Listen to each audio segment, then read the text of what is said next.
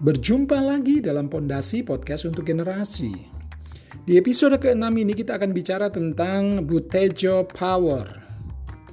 Lo tahu kan siapa Butejo? Butejo ya itu tokoh sentral di film pendek Tilik. Karena kecablakannya dia berhasil menguasai komunitas. Bahkan dia bisa mempengaruhi banyak orang. Itulah wanita perkasa Oke, kita bicara tentang kepemimpinan perempuan di sini. Kepiawaian kepemimpinan perempuan telah dirasakan hingga saat ini loh. Di banyak organisasi, kepemimpinan perempuan selalu menorehkan hasil yang amat berbeda dengan kepemimpinan laki-laki. Ini bukan soal kompetensi, melainkan memang pendekatan gender dengan fokus pada kompetensi yang berbeda. Laki-laki lebih mengandalkan hand and head, sedangkan perempuan lebih mengandalkan head and heart. Ini bukan berarti laki-laki tidak menggunakan hati dan perempuan tidak menggunakan tangan, enggak. Laki-laki dan perempuan menggunakan ketiganya, hanya saja titik kekuatan secara umum memang berbeda. Kita merasakan betapa berbedanya kita ketika dipimpin oleh presiden perempuan. Pendekatan kepemimpinan dalam rapat kabinet maupun pendekatan tatkala berhadapan dengan kalangan swasta menghadirkan kesan dan pesan yang berbeda.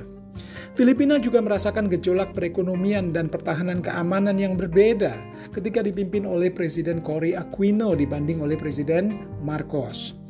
Inggris merasakan kehilangan sentuhan tangan besi ketika harus dipimpin oleh Tony Blair.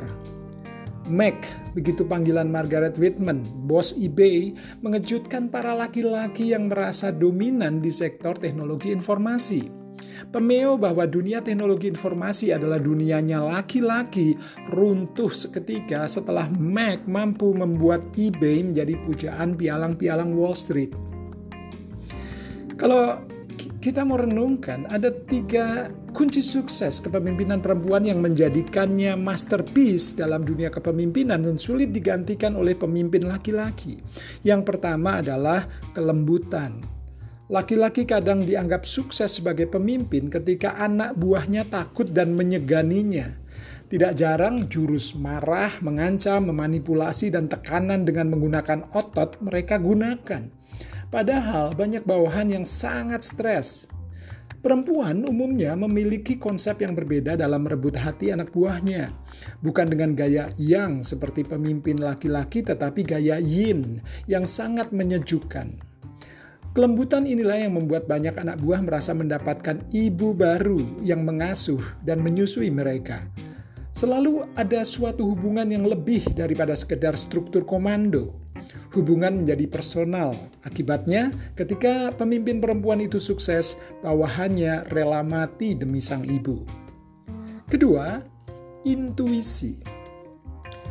Perempuan pemimpin memiliki kodrat intuisi yang jauh lebih dalam dan cepat dibandingkan laki-laki. Dia, mereka sering berkata gini, perasaan saya atau my gut feeling tells me adalah frasa yang jarang diucapkan laki-laki karena sering dianggap sebagai kelemahan dan tidak ilmiah, walaupun terkadang memang memiliki kebenaran dan di luar ranah logika. Yang ketiga, ketegasan. Banyak yang berpikir bahwa laki-laki lebih tegas dibanding perempuan. Eh, tunggu dulu, bro. Ketegasan sering dikaitkan dengan olah tubuh seperti intonasi suara, kecepatan mengambil keputusan, dan keberanian mengambil resiko. Itu hanyalah faktor luar. Faktor yang lebih mendalam dari ketegasan mengacu pada kemampuan berprinsip dan terus mempertahankan, mempertahankannya. Libetan. Walaupun dia ditentang dengan oleh banyak pihak, tidak mudah terombang-ambing karena rayuan atau konsep yang baru Tegas berarti berani menoreh garis batas yang tegas dan jelas antara hitam dan putih. Tegas berarti mampu berperilaku secara berbeda seperti terang dan gelap, tidak bercampur dan tidak kompromi, serta berani menghadapi konsekuensinya. Banyak pemimpin perempuan yang dijuluki perempuan tangan besi, walaupun ada di antara mereka yang punya pendekatan lembut juga. Indira Gandhi dan Golda Meir adalah contoh luar biasa dari perempuan yang berkarakter kuat dan sukses memimpin dua bangsa serta mengantarkan kedua bangsa tersebut menjadi bangsa yang disegani.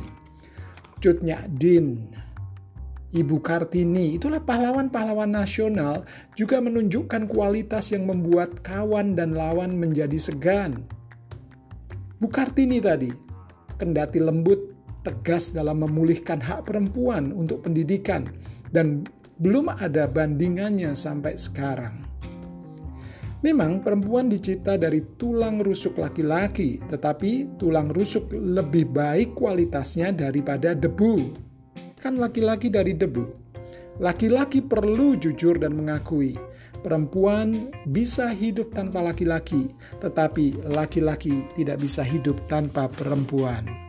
Bener nggak, Bray? Ciao.